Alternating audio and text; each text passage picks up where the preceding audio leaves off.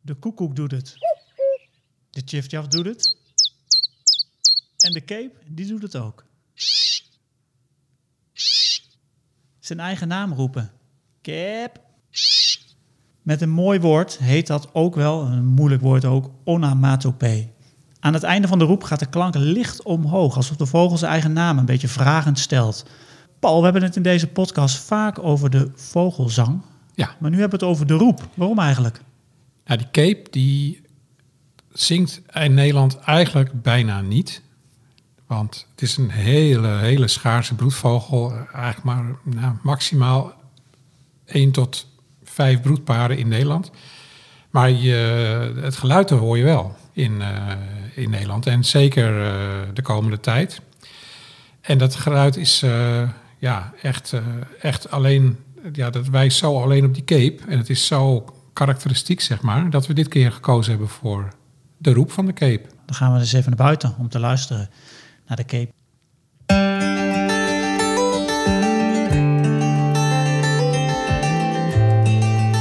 Roots presenteert Notenkrakers. De vogels fluiten buiten, wil je weten wie ze zijn? Kom en luister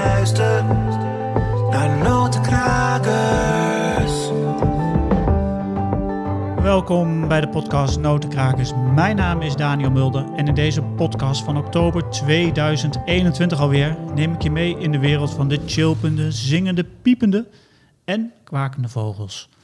En tijdens deze reis door de wereld van de vogelgeluiden is gelukkig ook altijd Roots-redacteur en collega Paul Beur aanwezig, die bijna alles weet van vogels. Paul, we zitten in een, in een nieuwe ruimte, dus misschien horen de luisteraars een beetje dat het nog een, een podcaststudio in wording is. We horen onszelf een beetje, een beetje echo, dus we hopen dat het helemaal goed gaat. Ja, het is uh, hol en zelfs de verwarming maakt lawaai en er zit een fietsenstalling naast. Dus af en toe kan je misschien wat horen qua parkerende fietsen. Of, Ja. uh, ja. Maar er wordt, uh, er wordt aan getimmerd en dan binnenkort de volgende podcast, als het goed is, klinkt het weer helemaal loop, loopzuiver.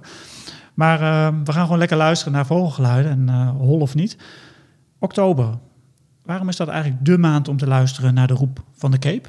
Ja, eigenlijk is oktober, is, uh, eind september, begin oktober, dat is de tijd dat de eerste kepen het land binnenkomen. Het is de, de tegenhanger van onze eigen vink. Het is de vink zeg maar, van Scandinavië. En het broedgebied het strekt zich dan uit tot ver in Rusland, maar echt dus Noord-Europa. En die vogels die uh, zakken dan in oktober naar het zuiden. Hangt er een beetje van af of het een zachte winter is of niet. Soms blijft een deel toch wel tegenwoordig in Zuid-Scandinavië hangen, maar het merendeel trekt Europa in. Midden-Europa, langs de kust komen ze in Nederland terecht.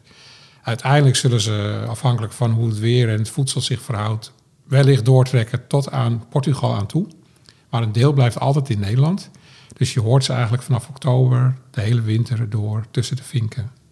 En dan moet je denken aan uh, beukenlanen bijvoorbeeld. Ze zijn gek op beukennootjes. En dan, daar zie je dan vaak van die groepjes vinken. En opeens dan vliegen ze op. Dan hoor je opeens jab ertussen. En dan kan je gaan zoeken. En dan uh, moet je proberen als ze opvliegen te letten op een wit stuitje. Ja, maar, maar, maar het is dus een vogel die je eigenlijk die je eerst hoort en dan pas ziet. Ja, ja, het is echt een vogel die, uh, die, die er gewoon uitspringt qua geluid. En uh, ja, zo, zeker als het een beetje donker bos is, dan, dan hoor je allerlei geluidjes van vinken. En, en opeens hoor je die cape en dan ga je met je kijker zoeken. En dan probeer je hem te vinden. Dat is de beste tactiek. Ja, dus het is voor, uh, voor onze luisteraars belangrijk om de roep van de cape goed in de vingers te krijgen. Absoluut. Nou, voor we verder praten over de cape, ga ik even bellen met Timo Roeken van waarneming.nl om in Vogelvlucht te horen wat er allemaal gebeurt in Vogelland Nederland. In Vogelvlucht. Timo, goeiedag. Uh, goedendag heren. Fijn dat je weer aanschuift uh, op deze herfstige oktoberdag in, in Amsterdam ja. althans. Om over vogels uh, te praten. Jij werkt bij waarnemingen.nl en ja. jij schuift altijd aan om, om allerlei dingen te vertellen over wat er allemaal gezien is in Nederland.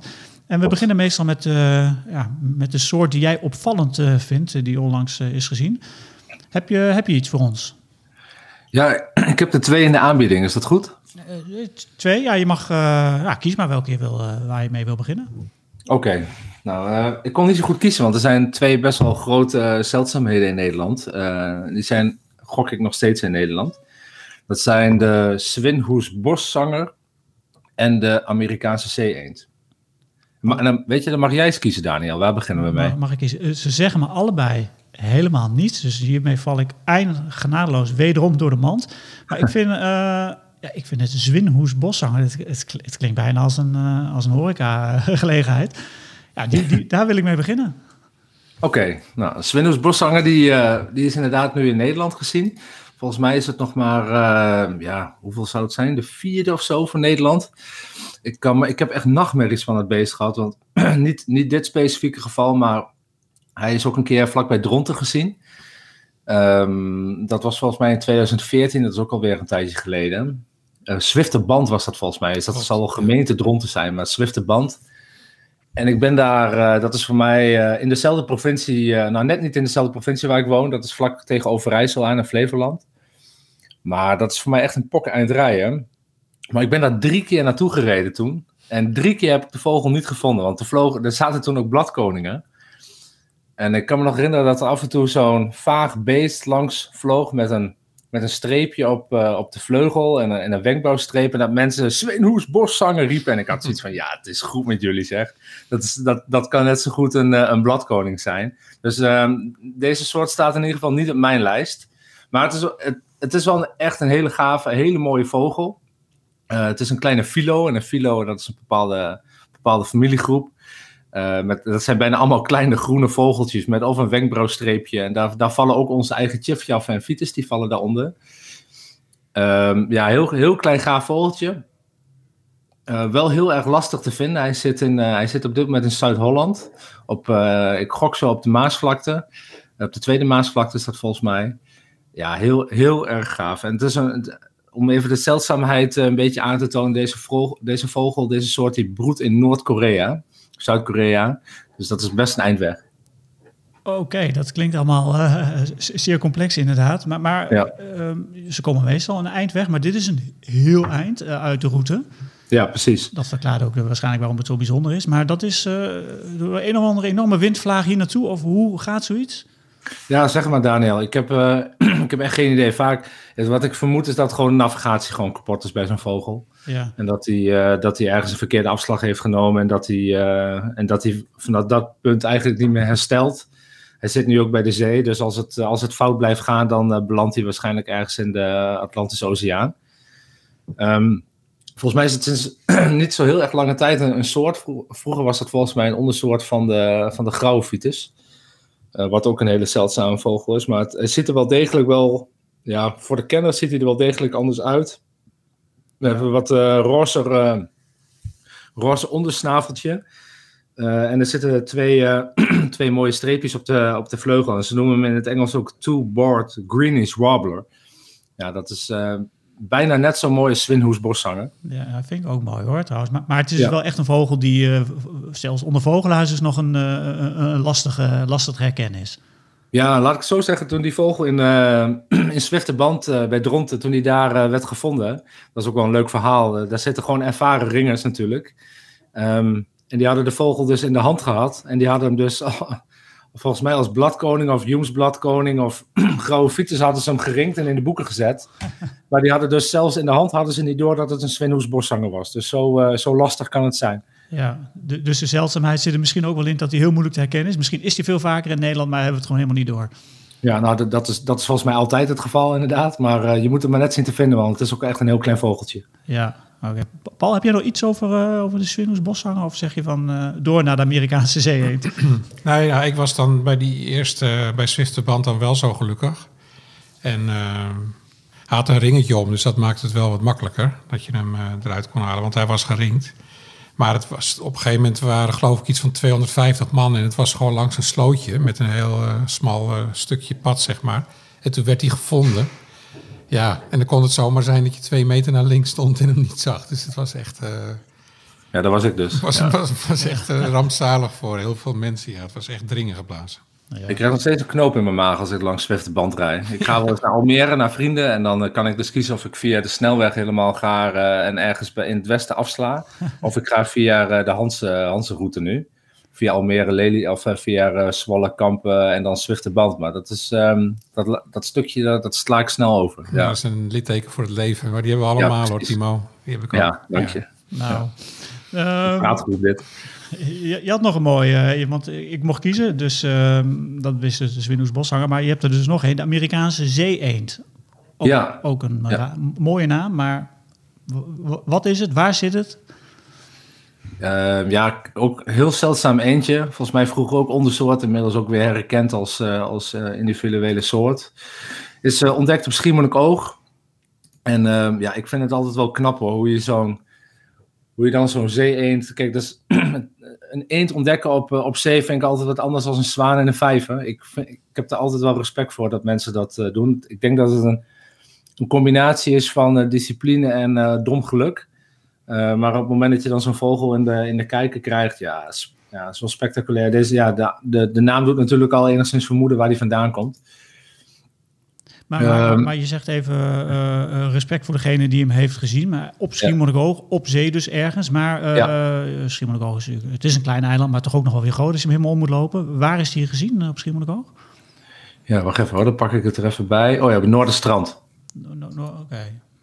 Dat is ook nog breed natuurlijk, maar... Ja, dat is heel breed. Ja, maar goed, het is, het is zo klein. Kijk, wat je soms hebt is dat je een bepaalde paal kunt aangeven. Dat zie ik zo snel niet staan. mhm. Maar eh, het is wel echt in het midden van het eiland. Dus ja, ik, eh, ik, ehm, ik wens mensen veel succes als je daar naartoe gaat.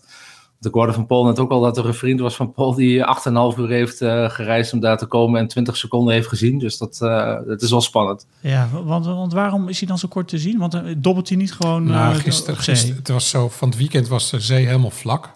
En hij zat in een groep van eh, zwarte zeeëenden en toppereenden en nog wat andere spul bij elkaar. Maar eh, ja, dan, dan, dan zie hem gewoon heel makkelijk. En gisteren ging het steeds harder waaien en dan worden de golven hoger en ze duiken veel. Dus dan wordt het gewoon steeds moeilijker. Zij was gisteren eigenlijk nog het beste vanaf een hoogduin eh, goed te zien.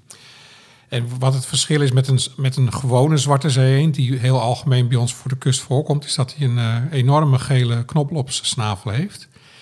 En zijn staart is wat langer en puntiger en een dikke nek. Dat zijn eigenlijk de enige verschillen. Dus, maar goed, het is de vierde in Nederland en pas de eerste die eh, door vogelaars gezien kan worden. Volgens mij zijn die anderen alleen maar dood langs het strand gevonden. Dus het is eh, gewoon uber zeldzame vogel voor Nederland. Iets minder bijzonder, maar minstens zo mooi is volgens mij, eh, is volgens mij de cape waar we het nu over Zeker. hebben. Ja. Ehm, wordt, wordt je al een beetje doorgegeven, Timo, op waarneming? Ja, absoluut. Ja, oktober is eh, begonnen. Hè? Dus dan, eh, dan weet je hoe laat het is. Meestal, eh, ja, meestal komen de eerste kepen van het jaar die komen weer terug in september. Heel incidenteel heb je ze ook, ja, broedt volgens mij de vogel ook nog wel ergens in Nederland, maar dat is echt heel incidenteel. Maar in, eh, vanaf september, eind september komen de eerste kepen weer terug. En in oktober is het echt een ontploffing van deze soort. En vooral als je dan op een eh trektelpost staat eh, en je kent het geluidje goed, dan, ehm, en je staat er op een, echt op een hele goede dag. Ik kan me nog een dag herinneren, volgens mij ergens in, ja, verraad ik ook ergens mijn leeftijd, maar ik gok in 1998 of zo, in uh, Emberdijk-Svenen. Ja, toen was het echt niet bij te houden. Dan hadden we echt tienduizenden kepen die kwamen overvliegen. En het, geluid is zo kenmerkend. Het is zo'n, alsof iemand uh, je neus dichtknijpt en uh, dat je een geluidje moet maken. Ja, precies. ja, en uh, als, het, als het echt losgaat, dan, is het, dan, dan vind, ik dat, vind ik dat persoonlijk ook echt veel gaver dan een één zeldzame soort. Als je dan echt zo'n migratiegolf meekrijgt, ja, dat is echt, is voor mij wel een spirituele ervaring. Ja, maar dat is echt een, uh, gewoon zo'n wolk met kepen, moet ik me voorstellen, wat overtrekt. Of is dat allemaal in kleine groepjes wat dan voorbij flitst? Of hoe, hoe werkt zoiets? Ja, als het op rustige dagen is, dan zijn het inderdaad kleine groepjes die overvliegen. Dus ze zijn wat, uh, ja, van afstand is het best wel lastig om nog te bepalen of het nou een vink of een cape is. Want het zijn allebei ongeveer even groot en het zijn allebei vinkachtige. Uh, maar bij capen, die, ja, die vliegen vaak net wat compacter in groepjes dan, uh, dan dat de vink dat doet. Uh, dus daaraan kun je op grote afstand soms nog zelf zien welke, om welke soort het gaat.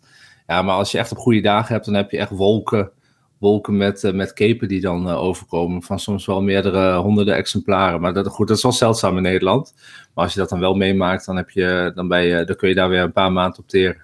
Ja, en je zei net al even, hè, ze, worden, uh, flink doorgegeven. Is, is het voor iedereen in Nederland uh, deze vogel te zien? Of uh, is het als je ja, gewoon pech gehad? Of, nee, nee, nee, absoluut. Het is voor iedereen te doen. Of je nou in, in Noord-Groningen woont, of in Limburg, of in Enschede, of in, of in Haarlem. Dat maakt allemaal niet zoveel uit. En maakt het nog uit, eh, het maakt ze niet uit waar je woont, maar misschien wel de plek waar je bent of ook niet? Nou, nee. Als ik, als, als ik eh, s ochtends mijn eh, dochter naar school breng en ik zit op de fiets, dan eh, knallen, ze, knallen ze ook gewoon over. Het is echt het enige wat je moet doen, is dat geluidje wat net, wat, eh, net mooi door jou werd afgespeeld, Daniel. Dat geluidje moet je goed, heel goed in je oren knopen. En eh, dan, eh, dan kan je ze in oktober echt overal treffen. En zeker, ze blijven hier natuurlijk ook, eh, een deel blijft hier in de winter. Op het moment dat je dan wat oud bos bezoekt, eh, en er liggen beukennootjes of zo, ja, dan, eh, dan heb je ook nog wel kans om ze een keer aan de grond te zien. Want het zijn, buiten het feit dat het een heel grappig geluidje is, eh, zijn het ook echt wel hele mooie vogels. Ja, nog even één laatste vraag. Je zegt, als ik mijn dochter naar school breng, dan, dan hoor ik ze. Ehm, jij hebt ervaren oren. Niet te verwarren met enige andere vogel in Nederland? Ja, nee, vind ik niet. Nee. Nee. Maar ja, jij bent ervaren. Is dat dan, eh, Ja, het is heel specifiek geluid. ja, echt? Ja. Als je deze, Uit duizenden. dan heb je een cape. Tenzij je iemand hebt die ontzettend verkouden is, wat Timo net zei. Maar eh, Oh, dat moet je toch wel kunnen onderscheiden.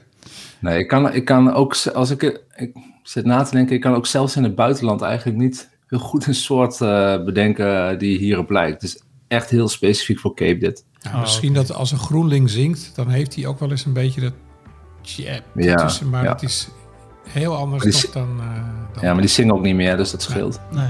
Nou, prima soort dus voor deze podcast... waarin we eh, toch een beetje vaak instapvogels eh, behandelen. Dus eh, dankjewel Timo voor, de, voor je bijdrage... en voor je mooie soorten die je met ons eh, hebt gedeeld. Graag gedaan. Tot de volgende keer. Tot de volgende keer. Doei doei. We spraken net met Timo Roeke van waarneming.nl en hij had eh, twee mooie soorten in de aanbieding. Hij kon zelf niet kiezen tussen de zwinhoes, boszanger en de Amerikaanse zeeëend. Dus we hebben ze gewoon allebei, eh, allebei behandeld. En we hebben natuurlijk nog even gehad over de Cape. Een onmiskenbaar geluid, niet te missen volgens Timo en ook volgens Paul. Dus eh, goed luisteren naar de Cape en dan, dan zie je hem wellicht ook nog. De mooie vogelgeluiden die je hoort in notenkrakers komen van de app Bird Sounds Europe. Henk Meeuwse, die ook voor ons Vogelmagazine schrijft over vogelgeluiden, heeft veel van deze geluiden voor de app opgenomen. En achter al die geluidsopnames die Henk maakt schuilen mooie verhalen. En daarom heb ik met Henk afgesproken in de kroondomeinen bij het Gelderse Nierse om te luisteren naar zijn verhaal achter het geluid van de Cape.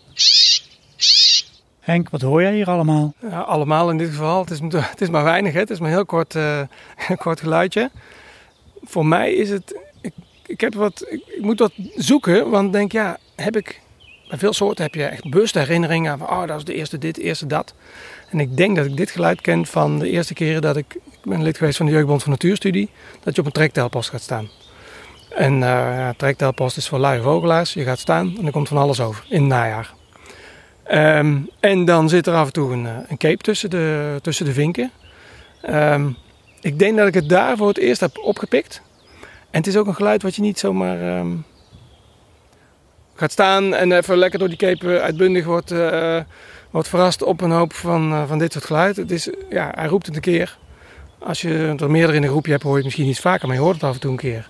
En dan is het weer weg. En dan eh, misschien komt er weer eens een keer een groepje over. En dan hoor je het weer eens een keer. Maar het is niet een geluid waarvoor je gaat zitten. Oh, dan ga ik ze lekker tot me nemen. En voor de rest van mijn leven ken ik de cape voor eeuwig. Maar moet ik dan als uh, podcastluisteraar naar een trektelpost om een cape te horen? Ik weet niet of de mensen op de trektelpost daar blij van worden. Want die krijgen dan allemaal vragen waar ze denken, ik moet concentreren. Want trektelpost kan echt heel druk zijn. Dat is continu luisteren, schrijven, luisteren, schrijven. Je wilt alles, alles, op, alles noteren. Nou, het is in die zin niet zo'n moeilijk geluid. Hè. Het is wel een, een, een beetje nasaal. Uh, hij dankt zijn naam ook aan dit geluid. Een beetje nasaal geluid. Um, dus met een beetje geluk hoor je dat zelf wel een keer. Maar ik hoor het niet zo vaak. Het is niet zo dat ik in mijn tuin zit. Met boerenzwaluw heb je dat. En met koperwiek heb je dat. Die hoor je overkomen. En dan zit je lekker aan de koffie en dan weet je het. Het is toch echt weer een bossoort. Um, wat wel werkt. Uh, als beginnende vogelaar als je ergens in het bos weet, je weet waar de beuken staan. Of je bent tijdens een wandeling en je ziet uh, voor je uit wat vinken omhoog gaan omdat je ze verstoort uh, tijdens het fourageren op de beukennootjes. Dan blijf je gewoon even staan of je neemt weer wat afstand. Je wacht tot die vinken weer terug op die beukennootjes gaan zitten. En dan heb je zo uh, in het najaar, in de winter, heb je een redelijke kans dat daar hier of daar een cape tussen zit. En een cape heeft, heeft een heel ander kleed, maar dat gaat Paul natuurlijk vertellen. Dus, dus dat is de beste manier om een cape ook gewoon goed te zien. Want op de trek, ja, ze vliegen over, ze zeggen een keer kip en dan zijn ze weer weg. wat wel opvalt als ze wat lager vliegen, dat is trektelposten sowieso wel lastig. Als je heel mooi weer hebt, vliegen ze hoog en dan kun je ze niet van de bovenkant bekijken. Maar een keper heeft een mooie witte stuit. En daar valt hij echt op ten opzichte van, eh, van de vinken. En als ze dat geluid maken, is het dan eh, een kwestie van oren open en hoor je het steeds? Of hoe vaak roepen ze? Nee, dat, eh, dat hoor je dus niet vaak. Dat is echt af en toe een roep. Dan heb je eigenlijk meer aan de, wat ik eerder de trekroep zou noemen. Uh, maar dan is het wel weer een niveautje, het reetje hoger als het gaat om de, om de moeilijkheid. Is de, je, hebt een, je hebt de groepen vinken en daar kunnen ze tussen zitten. Maar die vinken die roepen tjup, tjup. Er zit echt zo'n zo'n U-klank in. Tjup, tjup. En dan horen ze regelmatig. Dat is volgens mij echt het roepje waarmee ze contact houden met de groep. En de vink, of de, de cape, die doet ook zoiets. Maar dan klinkt het meer als tjuk, tjuk. Dat is echt een, een korter, er zit minder die U-klank in. Het is iets korter, iets afgebetener. Tjuk, tjuk. En dat is een, ja, dat is gewoon een sport. Dat is gewoon leuk. Als je dan op zo'n trektelpost staat, hoef je niet per se op trektelpost te staan. Hè. Je kunt ook gewoon in je eigen omgeving, een rustige plek, met goed zicht op het, uh, op het noordoosten. Veel komt uit noordoost, gaat naar zuidwest, komt uit noord, gaat naar zuid. Als je daar zicht op hebt, je gaat er gewoon in staan. Dan ga, sowieso, dat zou iedereen een keer moeten doen. Op een plek gaan staan, een paar uurtjes gaan staan, s ochtends in eind september, oktober, november. Er komt van alles over. En uh, als je geluk hebt, dan ga je ook deze, nou ja, hoeft niet eens voor geluk te hebben, maar gewoon uh, een beetje volhouden. Koffie mee. Dan heb je een grote kans dat je een keer die cape roept. En dan ga je daarna proberen om de tjuk tjuk te onderscheiden van de tjup tjup. En als je die cape nou eenmaal gehoord hebt, is dat dan even een yes moment? Ja, dit, dit is echt een leuke soort. En ik heb trouwens, hij zit, die zit ook in de, nee, die, die cape, die heb ik niet eens zelf opgenomen in de app. Die is van Peter Boesman. Dus uh, ja, het is echt een geluksmoment inderdaad. Want je hoort hem niet zo vaak. Die tjuk tjuk, die heb ik hier opgenomen een keer toen de kepen gewoon uh, in de beuken zaten en van de ene beuk naar de andere overvlogen. Maar dit, dat, die nasale roep is echt wel. Is niet, ik heb het niet zo sterk als met de koperweek, maar wel meteen van: hé, hey, leuk, cape. Even als laatste vraag. Uh, ik kan me voorstellen als jij als. Ik mag je geen geluiden jagen noemen, maar doe ik gewoon wel. Dan moet je deze gewoon in je bibliotheek hebben, toch? Straks? Ja, dat ga ik natuurlijk uh, wel proberen. Uh, ik, ja, klinkt een beetje raar. Eigenlijk moet ik weer eens naar een trektelpost. Dat, doe ik, dat heb ik vroeger veel gedaan. Of zelf een trektelpost uh, opzoeken. Ja, ik, ik, heb de indruk dat je mij nu een opdracht geeft van uh, bij de volgende update van de app zit die, zit die cape erin. Maar ja, wat ik ook heb, ik heb een mooie opname van iemand anders. Maar ja, nou, nou wrijf je me toch iets in. Ik ga extra opletten op de cape dit najaar. En, maar ja, wat ik, wat ik wel vaker zeg, je moet je parabool wel richten. Je moet wel weten waar hij roept. Dus de eerste keer roep je hem, hoor je hem roepen, dan zie je hem. En dan is maar afwachten wanneer hij nog een keer roept. Dus het is wel een uitdaging. Nou, mooie uitdaging voor Henk. Uh, gelukkig heeft hij het geluid uh, wel in zijn, uh, in zijn app zitten. En dan gaan we nu nog even naar luisteren. Paul, je hebt net ook even geluisterd naar, naar de bijdrage van Henk. we stonden samen in de kroondomijnen te praten met allerlei vogelgeluiden op de achtergrond. Nog geen cape op dat moment te horen. Maar hij had het even over het, over het uiterlijk van de cape. En uh, die schoof hij mooi door naar jou. En dat kun je natuurlijk hartstikke goed uitleggen. Ja. De cape, hoe ziet die eruit? Nou, het is een uh, ontzettend mooi vogeltje. Hij is net zo groot als een vink, dus dat verschil uh, is er niet. Maar die cape, die heeft, ja, wat je het eerst eigenlijk ziet, is de, hij heeft veel oranje en zwart in zijn kleed. En dat is totaal anders dan bij de vink. Hij heeft ook een geheel zwarte staart. Maar die kepen zijn nu dus in het najaar winterkleed. Dan zien ze er toch wat anders uit dan in de zomer. Dus ze hebben nu, ja zeg, als je hem ziet schuifelen, dan zie je meteen het oranje borst, borst, borstkleur, zeg maar. En die, dat kopje is een beetje, ja, bij het mannetje zwart met schubjes. Zitten zeg maar lichte zomer om die veertjes heen. En het vrouwtje heeft wat meer grijs in de nek. En wat ook heel opvallend is, is hun snaveltjes. Ze hebben een, een geel snaveltje. Uh, Vink heeft een grijze snavel. En dan hebben ze een zwart puntje op de punt van de snavel. En wat heel grappig is, als je naar de flanken kijkt van die cape, er zitten allemaal ronde vlekjes op. Dat heeft een vink ook niet. Dus dat is echt heel kenmerkend. En als ze dan opvliegen, dan zie je eigenlijk het opvallendste aan de cape, namelijk een witte stuit. Dus een hele grote witte vlek, zeg maar boven de staart tussen de vleugels. -hmm. En als ze dan eh, de boom invliegen, dan ligt dat zeg maar op. Dus vaak heb je, als je een beetje donkere beukenlaan eh, loopt in de winter... en die vinken vliegen allemaal op... dan zie je bij die vinken eh, twee vleugelstrepen, witte vleugelstreep. En bij die cape zie je juist die hele witte stuit. En dat valt ontzettend op. Dus daar, dat, dat is eigenlijk het kenmerk als je in het, in het bos aan het wandelen bent. Ja, en het grappige is dan weer dat wat veel mensen niet weten is, de, vaak hebben die vogels in de winter al een zomerkleed eigenlijk onder hun veren. Maar naarmate de, die veertjes, die randjes afslijten, komt daaronder dan de zwarte kleur tevoorschijn van de kop die die dan in het voorjaar heeft. Dus door slijtage van de veer krijg je uiteindelijk het zomerkleed. En dan zijn nog specifieker zwart en nog specifieker eh, eh, ja, een beetje oranje-bruine kleur. En dat, dat is dan de cape in het prachtkleed. Ja, nou, eh, klinkt nog wel een beetje. Ik moet denk ik nog wel even het vogelboek erbij pakken om Fink en eh, Cape naast elkaar eh, te zien. Je hebt het mooi, mooi uitgelegd hoor, maar als ik dan al die kleurtjes hoor, dan moet ik het Ja, wel even zien. zo'n eh, vink mannetje heeft echt meer blauw-grijs. En zo'n cape heeft gewoon meer zwart en oranje. En dat zijn specifieke verschillen. Ja, en je zegt net al even, als je een donkere eh, beukenlaan ziet, dan zie je dat, eh, die, dat, dat witte kun je goed zien. Eh, Timo zei het net ook al even, hè, eh, je kunt ze eigenlijk overal in Nederland zien, maar beukenbossen zijn wel een, echt een goede plek, toch? Ja, ze zijn gek op beukennoten. En met name, eh, zeg maar, waar je ziet ze vaak op fietspaden en op langs autowegen ook, langs, langs de randen van het bos. En dat komt dan omdat die fietsers en die auto's, die rijden die beukenneutjes al stuk. Oh ja. En dus dat is dan een stuk makkelijker voor ze om die, zeg maar het vruchtje binnenin die noot op te eten. Want die is natuurlijk best wel hard en dat kunnen ze zelf niet kraken. Maar eh, doordat het dan stuk wordt gereden langs die wegen en langs die paden, eh, gaan ze specifiek op die plekken zitten. En, Ja. eh, dus daar, daar, maar verder zijn het ook wel alleseters hoor. Op Vlieland zagen we ze gewoon in de lijstenbest snoepen van bessen. Ze eten ook gewoon, zeg maar, in, onder voedertafels de zaadjes die op de grond vallen. Dus ze komen ook gewoon in de tuin voor. En eh, bijvoorbeeld op eh, waar geoogst is en waar heel veel zaden liggen op akkers, daar zie je ook gemengde groepen van vinken en kepen. En vaak ook ho- honderden bij elkaar. Dus eigenlijk in als dat soort biotopen kan je hem wel, eh, kan je hem wel vinden. Ja, maar nu las ik pas geleden dat met de wilde zwijn op de Veluwe het wat minder dreigt te gaan vanwege voedselgebrek. Te weinig beukennootjes, te weinig eikels, noem maar op.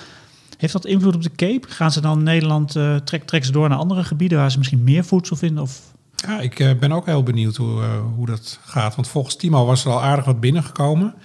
Het is waarschijnlijk ook zo in het zuiden van Scandinavië dat er weinig beuken, beukennoten zijn, denk ik. Maar eh, ja, we gaan het zien. Het is wel zo dat, dat het ene jaar dat er echt veel meer kepen zijn in Nederland dan het andere. Dus dat zal absoluut met het voedselaanbod te maken hebben. En wellicht vliegen ze dan toch eerder door naar het zuiden eh, om te zoeken naar, eh, daar naar meer voedsel. Ja, want, want ze trekken weg uit Scandinavië, omdat daar natuurlijk winter wordt. Ja. Eh, kunnen ze geen voedsel Ja, vinden. het zijn daar echt alleen zomervogels. En dan hangt het een beetje af van het, het klimaat verandert echt best wel de laatste tijd, ook in Zuid-Scandinavië. Dus daar blijven ook die winters nog wel eens wat zachter. En dan blijft een deel dus inderdaad gewoon ook daar, als er genoeg voedsel is. Maar het overgrote deel eh, trekt de zee over naar eh, West-Europa en eh, tot aan Portugal aan toe. Dus Ja, Timo zei het al, hè, er kunnen soms in grote aantallen overkomen. Heb, je een paar getallen toevallig paraat over hoeveel dat er ongeveer zijn? Of? Nou, in Nederland zeg maar, is het maximum aantal doortrekkers wordt zo geschat op een, zo'n 200.000 vogels. Wat ik altijd begrepen heb, is dat het merendeel van die kepen toch naar Midden-Europa vliegt. En ik heb daar wel eens foto's van gezien. Heb je dan zeg maar gezamenlijke slaapplaatsen waar ze dan, eh, ja, waar wel een miljoen vogels te zien zijn. Ik heb wel eens gehoord het maximaal aantal van 10 miljoen. Kan me daar echt niks bij voorstellen. Maar ik heb wel foto's gezien dat je zeg maar eh, duizenden kepen op één foto ziet vliegen met allemaal die witte stuitjes. Echt wel een ontzettend mooi gezicht tegen zo'n... Ja, waar die bomen al helemaal kleuren naar het najaar. Is echt, eh, zij hebben ook de, echt die mooie herfstkleuren zeg maar, in hun kleed. Dus dat is echt fantastische foto's zijn dat. Ja, ja, ze zijn. En dan heb je het over Oostenrijk en, eh, en Zwitserland, wat ik begreep. Ja. Ja, oké. Dus, eh, Maar bij ons eh, zijn ze wat minder talrijk en moet je denken aan eh, ja, een paar honderdduizend in de winter. Dat denk ik toch wel. Ja, oké. En wat we ook altijd doen in deze podcast is dat je een aantal weetjes eh, over de Cape eh, eh, vertelt. Je hebt natuurlijk al verteld waar ze leven, waar ze vandaan komen, wat ze eten. Maar wat, eh, is, is er nog wat bijzonderheden te melden? Eh, ja, eigenlijk had ik al iets verklapt daarnet met die eh, eh, overvloed in Midden-Europa en die 10 miljoen eh, vogels. Wat ik zelf al eh, echt nog steeds echt heel onvoorstelbaar vind. Ik heb nog nooit zelf zoiets gezien. Dus dat vind ik al heel bijzonder. Wat ik eerder vertelde al, die, eh, die veertoppen die dus versleten. Naar, eh, in de lo- loop van een winter slijt dat dus af. En dan krijg je in het voorjaar dat hele diepzwarte en mooie oranje verenkleed eh, van het prachtkleed. Ja. En wat er ook eh, heel grappig is, dat eh, vinken eh, die vliegen in een golvende vlucht. Dat doen spechten ook. Dat heeft te maken met dat ze op de een of andere manier hun eh, vleugels helemaal dichtklappen. En dan, dan zinken, zank- zakken ze weer zeg maar, een beetje naar beneden in die golf. Dat is gewoon hun manier van vliegen. Maar het is wel heel kenmerkend voor de vinkachtige. Dat ze een golvende vlucht hebben. Ja, je bedoelt dat de cape die onder de vinken valt. Ja, dat, klopt. ja oké. ja, nee, ik dacht even van... eh, Ja, nee, vinkachtige, zoals de cape. En eh, dat is heel, eh, heel kenmerkend op afstand te zien dat ze ja, echt een, een golvende vlucht hebben. mooie weetjes weer. En als je nou meer eh, weetjes wil, die, dan moet je zeker even eh, het Vogelmagazine van, eh, van, van Roots gaan lezen. Want die, die Paul altijd samen met de redactie natuurlijk maakt. Paul coördineert het. En daar staan heel veel weetjes in. En het Vogelmagazine krijg je bij een jaarabonnement op Roots. En het najaarsnummer die ligt nu in de winkel. En die kun je eenvoudig losbestellen via onze website rootsmagazine.nl. Dan gaan we nu, Paul, favoriete rubriek. Ja, je gaat hem al raden. In deze rubriek stellen luisteraars vragen over vogels. Wat een vraag! Ja, de vogelvraag. Stel je leukste natuurvraag en roots. En dan zoeken wij het antwoord eh, op. Althans, Paul zoekt het antwoord op.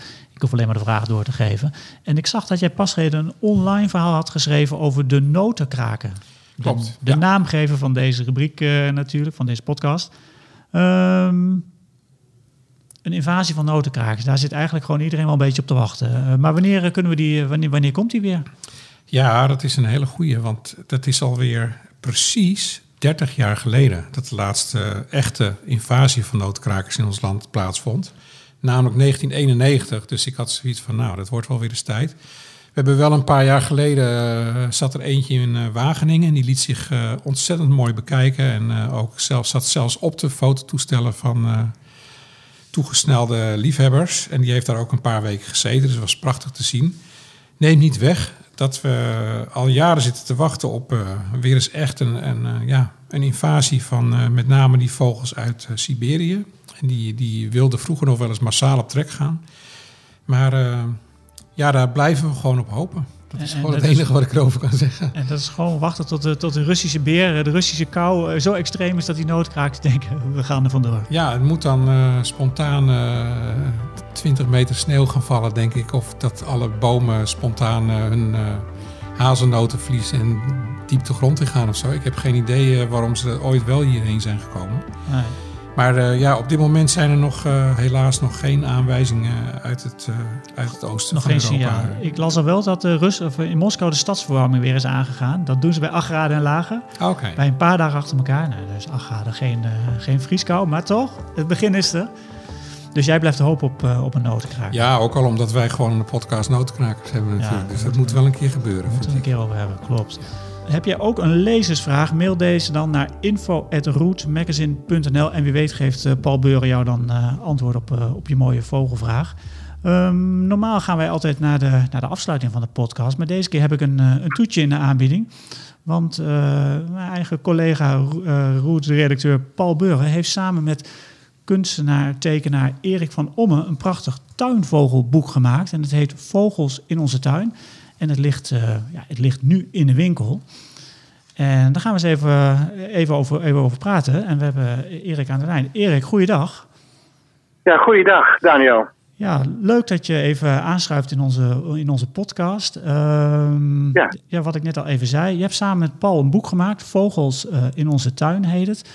En daar Klopt. is- ja, daarin staan eh, allemaal tuinvogels uiteraard. Maar kun je even heel kort het boek uitleggen? Wat, wat, wat is het voor een boek? Het is een boek ehm, gemaakt eigenlijk naar aanleiding van onze tuin, ehm, die ik bij ons, ons huis heb. En die zit eigenlijk pas vol met vogels. En ik ben 13 jaar geleden begonnen met, eh, met het inrichten van een tuin. En meteen zijn we toen begonnen met een column in, eh, in Roots.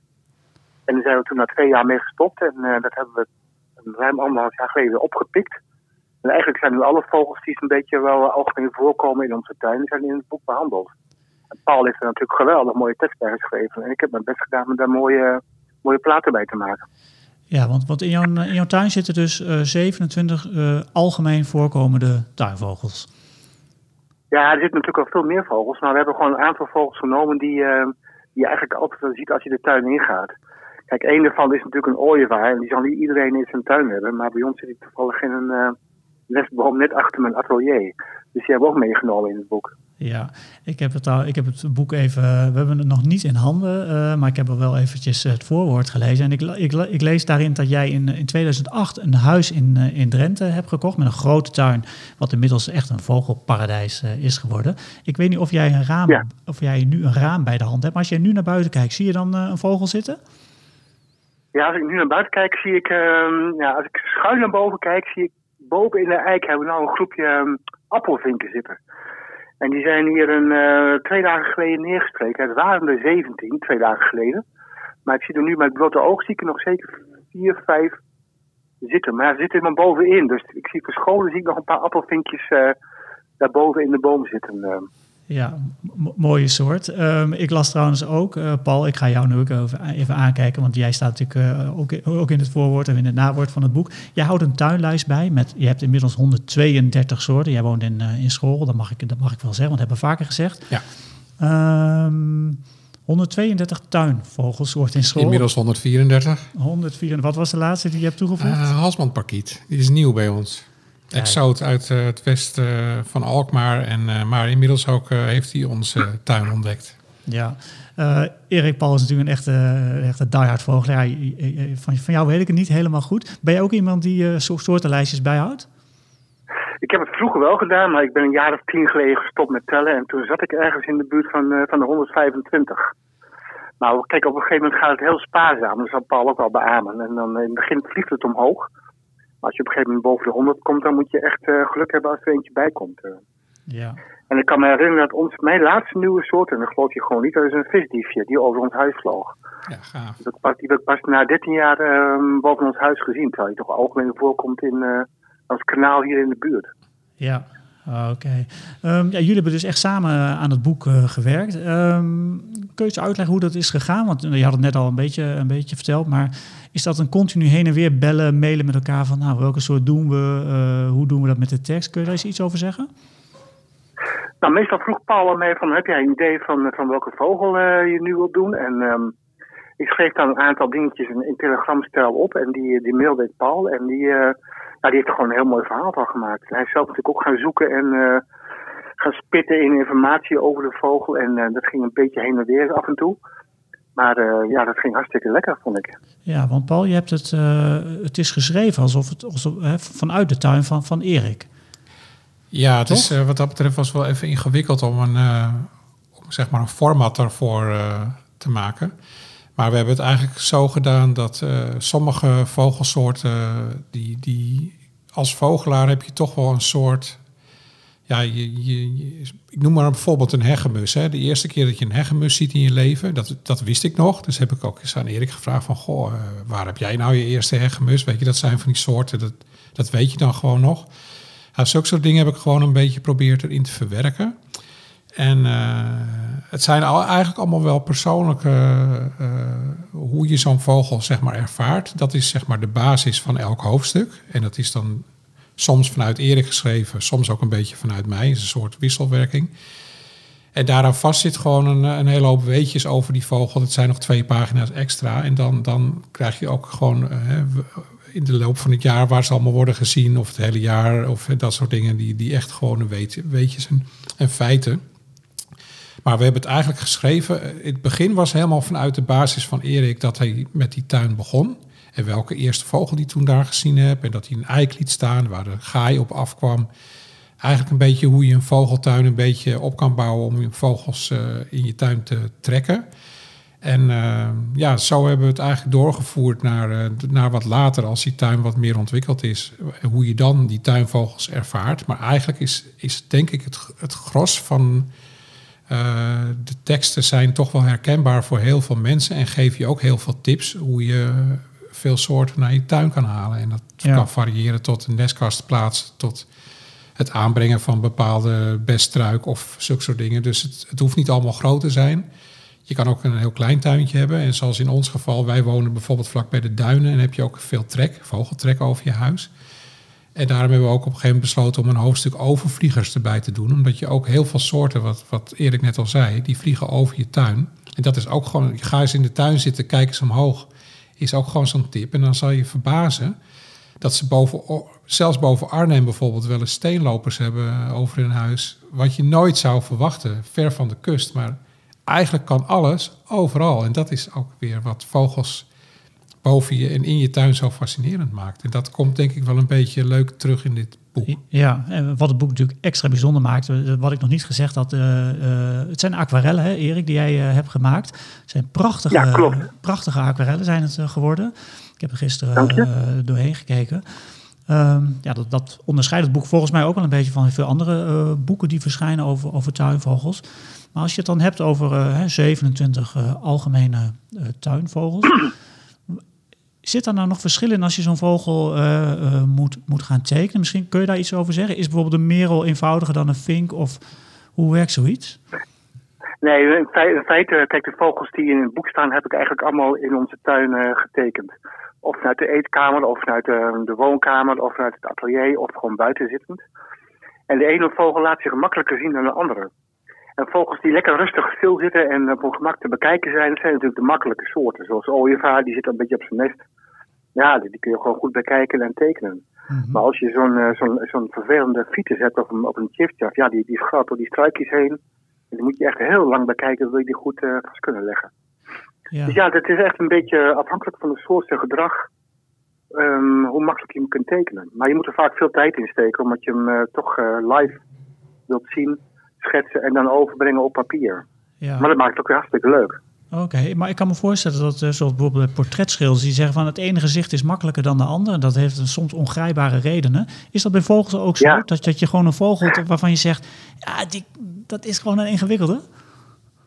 Ja, je moet, je moet natuurlijk een binding hebben met een, met een vogel. En eh, de ene vogel spreekt je meer aan eh, dan de andere. Ik, ik had, ik had eh, met, met de groenling, dat is een heel mooi vogeltje. Had ik ontzettend veel moeite. Want eigenlijk vond ik het maar heel vervelend naar beest om te zien. Met zo'n strenge blik in de ogen. En het stond me een beetje tegen. En, en, maar goed, het zijn mooie dingen geworden. Maar ik had er heel veel moeite mee om me in te leven. En als je bijvoorbeeld een, eh, nou, een van mijn lievelingsvogels, die is eigenlijk de boerenzwaluw. Nou, daar heb ik helemaal geen moeite mee. Dan, dan, dan, geniet ik echt van als ik aan het werk ben. Dus daar heb je wel gelijk in. De ene vogel is, eh, spreekt je meer aan dan de andere. En de ene stoot je meer af dan de andere vogel. Dat Ja, hebben we dan trouwens ook wel een beetje in de tekst verwerkt. Dus dat vind ik dan wel weer grappig om te horen. Want die groenling wordt echt als Angry Bird eh vastgelegd Ja. op tekst. ja. En die zwaluw natuurlijk als iets lieflijks en eh, wat gewoon om je heen eh, dartelt en eh, prachtige geluidjes maakt. En eh, dus dat was wel, wel grappig. Dat, Ja. Die wisselwerking zullen heel veel mensen denk ik wel straks uit het boek herkennen. En wat volgens mij ook, Ja, ook. wat volgens mij ook wel bijzonder is, het is niet gewoon dat jullie één, eh, dat één vogel is afgebeeld, dus niet één boerenzwaluw, niet één meel. Je hebt ze ook in allerlei eh, vluchten, hoe ze zitten. eh, hoe, is dat, hoe is dat tot stand gekomen, Paul, die keuze? Ja, dat was echt wel een wisselwerking tussen ons tweeën van eh, hoe, hoe Erik die vogel ervaart in zijn omgeving en eh, wat hij vast kan leggen. En eh, dus dat, was, dat is dan wel echt een, inderdaad een wisselwerking geweest tussen ons tweeën om eh, dat in een paar regeltjes even uit te wisselen. En dat heb ik dan weer uitgewerkt. En Erik dan weer al schilderend. Ja. Ehm, Erik, ja, jij, hebt- jij hebt dus je tuin eh, in een flink aantal jaren omgebouwd tot een, nou, we noemen het maar tuinvogelparadijs. Ja. Ehm, nou, dan ben je inmiddels ook wel een beetje een expert op het gebied eh, van, van tuinvogels geworden en van, van lokken ook wellicht. Heb jij, heb jij eh, één of twee eh, gouden tips voor onze luisteraars als zij ook zeggen, "Hey, ik wil mijn tuin ook wat vogelvriendelijker hebben? Oh ja, je moet je tuin lekker laten verwilderen en zoveel mogelijk bestdragende struiken en planten aanplanten. En voeren is ook heel belangrijk om vogels te trekken en zorg voor water en voor veiligheid en broedgelegenheid van de vogels. Ja, En dan komen ze vanzelf wel. ja, vooral die eerste tip is natuurlijk een tip die misschien veel mensen wel aanspreekt. Of niet? Je tuin eh, le- lekker los laten gaan. Ja, het scheelt een hoop werken, maar je krijgt er een hoop voor terug. Ja, oké. En ehm, even kijken, want, want eh, Paul nog even. 27 soorten staan er dus in. Ehm, Nou, er staan er meer in hoor. want we hebben het nu bijvoorbeeld over de cape. Dat is een soort die de ehm zijdelings wordt genoemd. Ja, er zijn eh, zeg maar die 27 tuinvogelsoorten. Dat zijn soorten die je in heel veel tuinen kunt zien. En met een enkele uitzondering is dan de ooievaar uiteraard bij Erik. Maar die vonden we zo leuk dat we die er wel ingelaten hebben. En verder staan er ook eh, tien eh, dwaalgasten in beschreven. Dus soorten die eigenlijk een beetje fanatieke vogelaar heel erg graag in zijn tuin zou willen zien. Wat wel mogelijk is. Dus dat maakt het voor de wat meer ervaren vogelaars ook wel eh, leuk om, eh, voor, om dat boek te kopen. En verder staan er dus die overvliegers in, maar eh, ook zeg maar de steeds meer spechten in tuinen voorkomen en waarom. En ja, eigenlijk staan er in totaal, denk ik wel iets van tussen de 40 en 50 soorten in beschreven. Dus het zijn er meer dan die 27 hoor. Ja. Dus, Nou, het zijn er 100, ik zie hier staan 192 pagina's. Dus het is ook nog een flink boek geworden. Ja, er zit ook een zangtabel in bijvoorbeeld. eh, hoe laat welke vogels gaan zingen, want er zit ook verschil in. Ja. En, eh, ja, Staan, staan er ook tekentips in of niet? Eh, ook, ja, klopt, aan het eind. Ja. En eh, ook wat tips om, om alles goed te, te noteren. En iets over ve- veren in de tuin die je kan vinden. En ja, het is eigenlijk een, een allesomvattend, best wel compleet boek geworden, vind ik zelf. Nou, nou, nou klinkt goed. Ehm, Erik, nog even een laatste vraag. Paul zei het al even. Ehm, er staan dus ook tips in om te tekenen.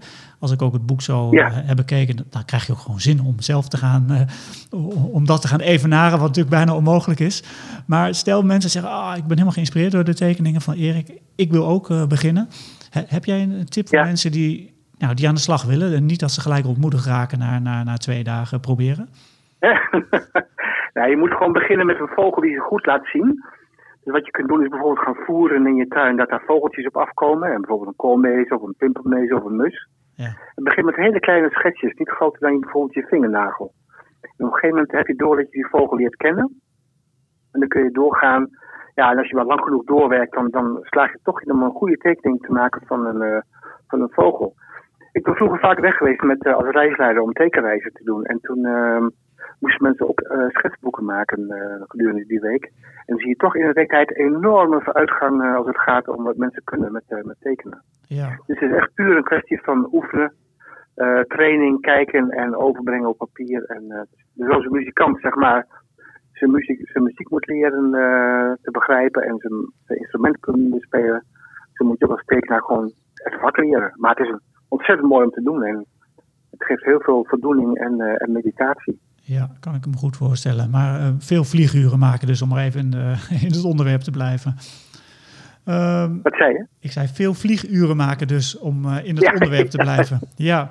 Klopt, Ehm, ja. Nou Erik, hartelijk dank eh, voor je uitleg. En eh, Paul, jij ook. En ik hoop dat eh, Vogels in ons tuin eh, een groot succes gaat worden. Dankjewel, Ja, graag gedaan.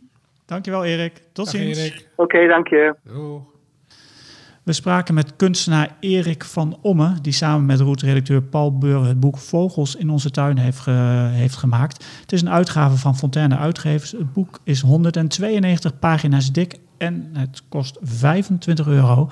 En eh, nu verkrijgbaar in de boekhandel en ook online in de webshop van rootsmagazine.nl. Notenkrakers. De geluiden die je in deze podcast hoorde, die kwamen van de app van Henk Meeuwse. En de app heet Bird Sounds Europe. Daar staan allemaal vogelgeluiden in en die kun je allemaal afluisteren. En ook de Cape staat ertussen. En dat is echt, eh, nou, echt, echt een plezier om dat, om dat te doen. Nou, Roots maakt ook een vogelmagazine, dus kun je geen genoeg krijgen van vogels. Ja, dan is het magazine echt iets voor jou. Het najaarsnummer ligt nu in de winkel en is ook online te koop op het webadres wat ik net noemde, rootsmagazine.nl. En je krijgt er ook, eh, als je een abonnement neemt op Roots, dan krijg je gewoon het vogelmagazine erbij. Dus dat is eh, dubbel feest, zou ik zo zeggen. En Paul, ik wou net al even, eh, voor we dat toetje gingen doen van het tuinvogelboek, naar het einde. Maar dat gaan we nu dus echt doen. De volgende podcast van Notenkrakers. Tadada, waar gaat hij over? De smint. Hij gaat over de smint. En dan wil Niet jij, smint, maar smint. smint. En dan wil jij natuurlijk ook eventjes het geluid van de smint horen, stel ik me zo voor.